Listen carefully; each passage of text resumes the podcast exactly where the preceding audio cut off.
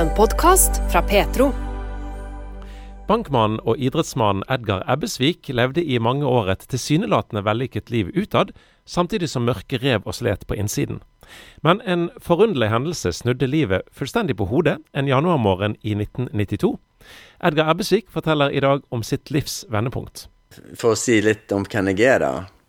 Så er jeg gift, og jeg har to sønner og to barnebarn. Jeg er oppvokst i Salhus. Og i Salhus så var det et veldig godt uh, miljø. Alle, vi hadde alle muligheter i Salhus. Og uh, for min egen del så hadde vi jo barneskolen der, og vi Det var masse um, Hva skal jeg si Fritidsaktiviteter og muligheter for oss. Og det var både idrett, det var sang, musikk, det var speider. Det var alt som egentlig vi kunne delta i ut ifra hva interesser vi hadde. Og vi fikk prøve oss å velge. Og eh, for meg så ble det idrett. Og det begynte med faktisk allerede når jeg var kanskje 10-11 år gammel, men det var først når jeg var 15-16 år at det liksom slo helt igjennom. Og da eh, trente jeg løping. Og så drev jeg det såpass langt at jeg eh, klarte å komme meg til juniorlandslaget. Men eh, eh, det som kunne se ut som ja, som et ja, det, På utsiden så kan, kunne alt se veldig fint og flott ut. For jeg hadde jo tatt utdannelse og fått meg jobb i bank, en bank i Bergen. Og så det så jo ut som jeg hadde et uh, vellykket liv. Men på innsiden så var det en annen person. For uh, der var det mye angst. Det var Jeg var redd. Det var uh, sosial angst. Altså, jeg, jeg, jeg følte meg ikke vel sammen med andre hvis det var mange. Og jeg holdt meg veldig mye hjemme. Hvis ikke det var for å gå på trening og reise på stevner, så så var jeg mye hjemme. Mm. Og så kom jeg i militæret, og eh, jeg må jo si at jeg følte meg veldig utenfor der. Det var ingen som drev idrett. De røykte, de drakk, og jeg var helt fanatisk imot uh, uh, røyking. Og det endte jo faktisk med at til slutt så fikk jeg eget rom uh, på sykestuen. Men så skjedde det ting eh, som jeg skal ikke komme inn på i detaljer, men jeg fikk i grunnen en bekreftelse på at det var ingenting verdt. Og det var, hadde jeg jo faktisk kjent på. Jeg hadde et veldig dårlig selvbilde. Eh, så jeg fikk en bekreftelse på det. Det førte til at jeg tok to ganger overdoser. For jeg orket ikke livet mitt. Og da ble jeg sendt hjem igjen. Og så gikk det ikke så veldig lenge før jeg traff eh, kona mi, Unni, og vi gifta oss. Og så gikk det noen år, da. Faktisk henholdsvis sju og tolv år, faktisk, før vi fikk eh, våre to sønner. Men eh, når han eldste var tre år, da fikk jeg kreft, og det var en veldig alvorlig eh, ondartet kreft, en eh, føflekkreft. Og legen sa jo rett ut at hvis vi finner noe mer andre steder enn der som han oppstått, eh, og det var jo på armen min, da, eh, så har ikke du noen sjanse. Da kommer du til død. For det er ingen behandlingsform for denne type kreft. Og, så jeg gikk jo rett i kjelleren og ble veldig deprimert. Og så gikk det ikke mer enn fem år, så fikk min kone kreft òg. Da fikk hun brystkreft. Og eh, det tok hun igjen, faktisk, så hun fikk det to ganger. Og var, da hadde vi kreftdiagnose begge to. Eh, med to små barn. Da hadde vi fått vår andre sønn også. Det skjedde veldig mye i mange år som var vonde for meg. Og det gjorde at jeg gikk med en bitterhet, en skuffelse, depresjoner um, i alle disse årene, og spesielt ifra det som hendte i militæret. Og det lå som en, en vond, vond eh, klump inni brystet mitt. Og det hadde jeg faktisk i 20 år. Så jeg gikk til eh, psykolog, jeg gikk til lege, men det hjalp meg ikke. Og så kom jeg altså til Og jeg var ikke kristen. Jeg var avvisende til, til alt sånn som hadde med bedehus og kirke å gjøre. Jeg kunne gå på gudstjeneste på julaften, ja. Det var noe tradisjon, da. Og døpt og konfirmert er jeg. Men jeg kommer ikke fra noe kristent hjem. Men eh, så kom jeg altså til fredag 31. januar i 1992. Og klokken den var kvart på syv på morgenen da. Og den dagen så ligger jeg i fosterstilling i sengen. Da hadde jeg på forkant, et par måneder før, da hadde det toppa seg så voldsomt med den psykiske lidelsen min at jeg mistet fullstendig kontroll på kroppen. Jeg var på et seminar eh, med jobben, da, eh, ute på et hotell. Og jeg måtte bare gå fra den møtesalen og skulle opp på rommet mitt. Og når jeg kommer i trappa, så knekker jeg fullstendig sammen og mister helt kontrollen og ligger og skjelver. Men heldigvis så hadde vi da en bedriftspsykolog der som fikk ta hånd om meg. Men så kommer vi altså to måneder etterpå, og da er vi kommet til, til denne datoen, som jeg sa. Ja, Da var du helt nede? Da var jeg helt nede i bunnen. Og da var det helt svart i hodet. Og jeg hadde bestemt meg for at jeg, når jeg lå der i fosterstilling med denne smerten, så, og ikke kunne rette meg ut, så, så, så sier jeg bare til meg sjøl at nå er den siste dagen kommet. Jeg klarer ikke mer. Men så kom det en tanke i hodet mitt. At hvis du, Gud, likevel skulle finnes, så må du høre meg nå og hjelpe meg. Så jeg satte meg opp på sengekanten, og så ber jeg Fader vår. Og da er ikke det snakk om å, å, å, å, ramse det opp sånn som vi gjør når vi er på gudstjenester eller ellers i en forsamling. Men jeg ba hver eneste bønn i Fader vår. Og takk og pris for at vi har lært den på skolen og under konfirmanttiden. For den kunne jeg jo. Uh, og, og, tenkte over hver eneste bønn i Fader vår. Og i det øyeblikket jeg ber tilgi oss vår skyld, som også vi har tilgitt våre skyldnere, da kommer det en kraft inn i brystet mitt og drar ut smerten. Og det er ikke, det er ikke snakk om her at du, som om du har slått deg, og at det etter en stund forsvinner men jeg kunne kjenne veien fysisk ut. Der smerten ble dratt ut av meg, akkurat som du tenker en magnet som trekker til seg metallstøv. Og det var så fysisk og så konkret og så sterkt at jeg klarte Altså, jeg, jeg, jeg stoppet fullstendig opp og be. Jeg ble helt lammet. Og så meg rundt i rommet om jeg kunne se noen ting. Og det kunne jeg jo selvfølgelig ikke gjøre. Men eh, jeg fikk roa meg ned. Og så kom det som lyn fra klar himmel. Ja, det vil si, jeg ba først ferdig Fader vår. Og, og så kom denne tanken. At når den bønna som Jesus hadde lært sine disipler å be, både hørte meg og svarte meg, da må jeg tro på hvert eneste ord som står i Bibelen. Så jeg ble totalt På ett sekunds hastighet så ble jeg snudd helt rundt. Jeg var helt fri. Jeg hadde fått kreftene tilbake. Jeg kunne reise meg opp. Det var ingen smerter i brystet mitt. Jeg var helt klar i hodet og gikk på jobb. Og den, gikk rett inn til sjefen min, som jeg hadde hatt et litt sånn, ja, litt sånn vanskelig forhold til, må jeg si. Men jeg gikk rett inn til han og sa du får aldri mer noe problem med meg. Og han spurte hva har skjedd, sa han. Og så fikk jeg lov til å vitne for han som den første personen. Men etter, etter det så hadde jeg en fartstid i banken i 25 år til før jeg pensjonerte meg. Og i alle disse årene så har jeg hver eneste dag fått vitnet for én eller flere og fortalt dette vitnesbyrdet, så du også nå har fått høre. Og, og, eh, det som jeg kan si, det var når jeg, jeg satt der på sengekanten og fremdeles ikke eh, var gått ut fra soverommet mitt, så fikk jeg en enorm trang etter å, å få en bibel. Og til å få kristne bøker. Og husk, jeg visste ikke hva, altså, hva er frelse for noe. Det visste jeg jo ikke. Jeg var jo analfabet på det området der.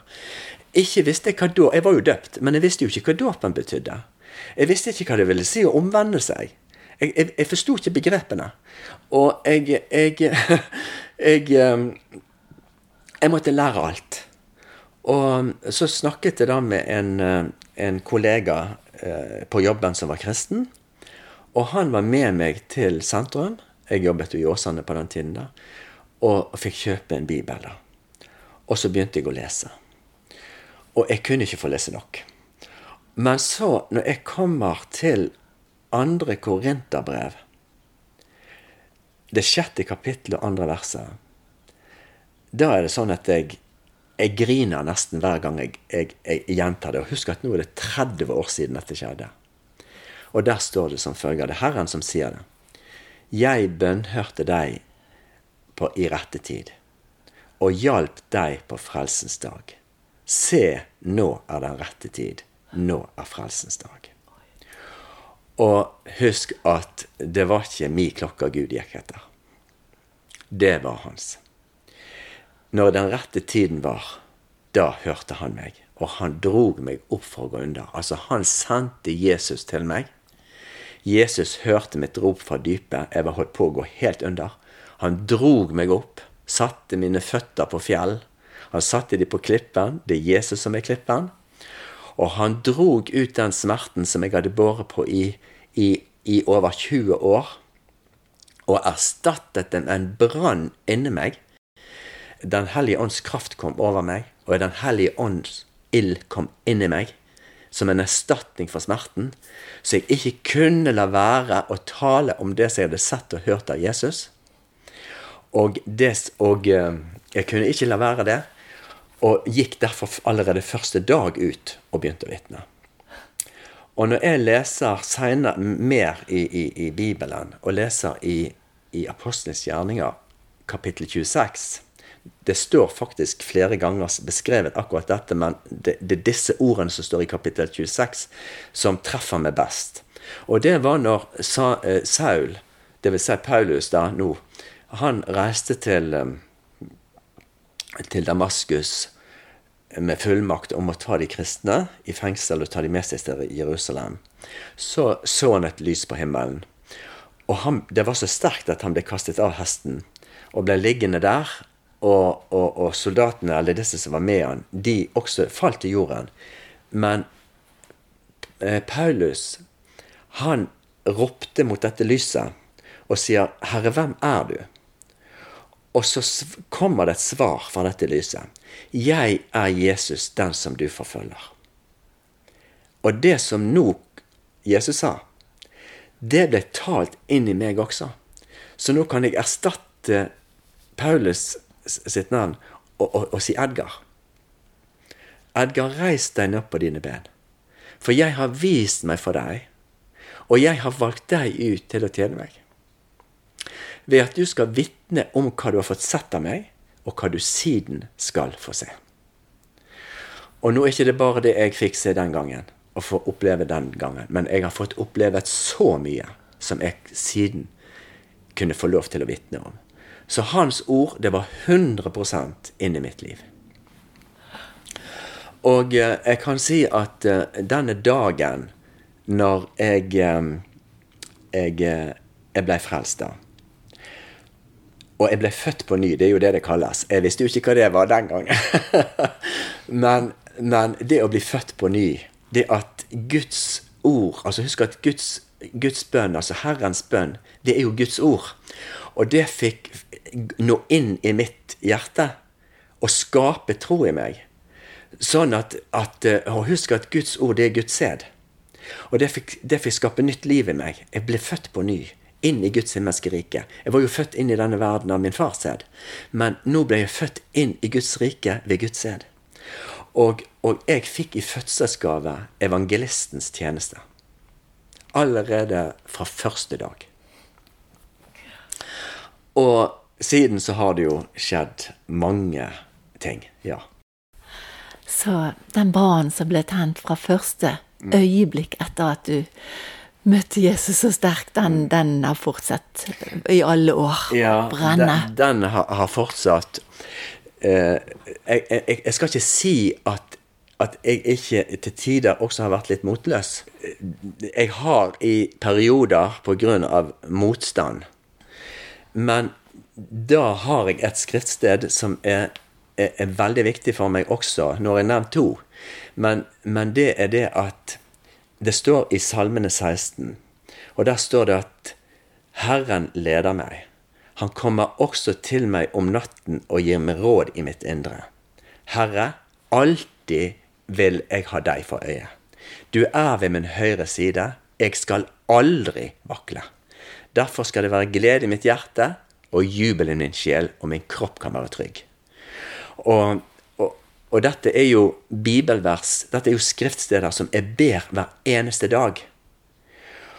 Og så er det en ting som også er, som er veldig viktig. Det er det at hver dag etter at jeg fikk denne opplevelsen på soverommet mitt, så starter jeg dagen med å synge lovsanger. Det står i Salmene 100 at du skal gå gjennom hans porter med takkesang og inn i hans forgårder med lovsang. Ja, hvorfor?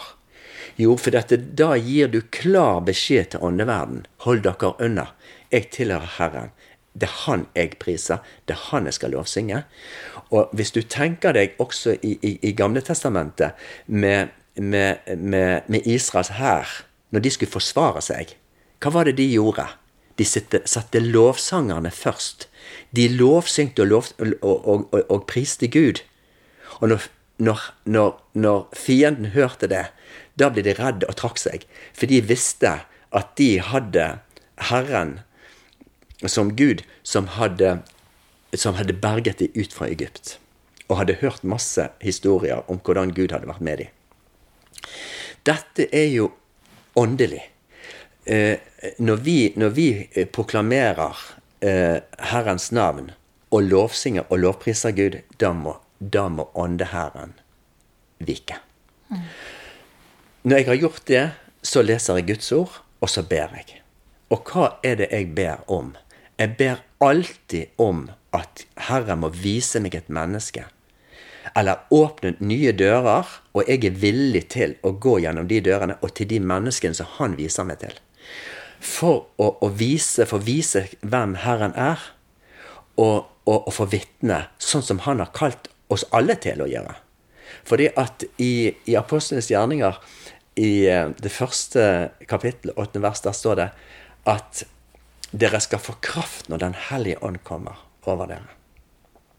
Og dere skal være mine vitner. Det var det siste han sa før han ble tatt opp til Gud. Og det betyr så mye for meg det å svare han at Herre, her er jeg. Bruk meg, send meg. Jeg er villig til å tjene deg. Og, og du kan spørre om jeg er blitt velsignet. Altså, jeg, altså, jeg bare gleder meg. Og husk, det er 30 år nå. Sånn? Du har, du har jo fått vært brukt enormt både i banken der du jobbet i mange, mange år, en, en stor bank i Bergen, og, og, blant innvandrere jobber du frivillig og hjelper de både uh, fysisk og psykisk, holdt jeg på å si, ja, på alle måter. Så du, du bruker deg jo enormt. Ja, ja, ja. Altså, jeg ber ikke om gods og gull og, og eiendom og sånn. Jeg ber om å få være en tjener. At jeg, må, at, at jeg må få lov til å tjene han. Og da legger han alt til rette for meg. Og jeg vet ikke hvor mange, altså det er på mange tusen at jeg har fått lov til å vitne for. Og det står jo det i, i Matteus det 25. kapitlet. kapittelet. Der stiller han jo opp to flokker. De, han kaller det ene for geitene og det andre for sauene. Og så spør han hvor var du når jeg tørstet? Hvor var du når jeg sultet? Hvor var du når jeg satt i fengsel? Hvor var du når du var syk? Hvor var du når jeg var fremmed i landet ditt? Hvor var du da? Det er jo det han spør om. Sant? Og det er det han kaller oss til å gjøre. Sant? Vi, for meg så blir det sånn at Hjelp meg, Herre, til å lytte til hva du sier, og gjøre som du sier. men også gjøre det jeg ser du gjør. Så, så, så, det er jo sånn jeg tenker det må være å være en kristen. Det å være en etterfølger av Jesus. Her var du helt på bånn. Helt nede. Ingen ja. mennesker kunne hjelpe deg. Ja. Ingenting. Og så kommer Jesus inn i rommet ditt på en sånn enormt sterk måte. Ja, ja. Ja. Eh, det kan jeg jo skrive opp. Og det som jeg kan også si i forhold til tro Det står jo det at uh, troen kommer av, av det budskapet man hører, og budskapet kommer av Kristi ord. Ja. Men jeg ikke bare tror. Jeg vet han lever. For jeg har møtt han. Du har lyttet til en podkast fra Petro. Flere podkaster fra oss finner du bl.a. på petro.no og i Petro-appen. Der kan du også høre radiosendingene våre 24-7. Husk også at vi sender på DAB mange steder i Norge. Vi høres!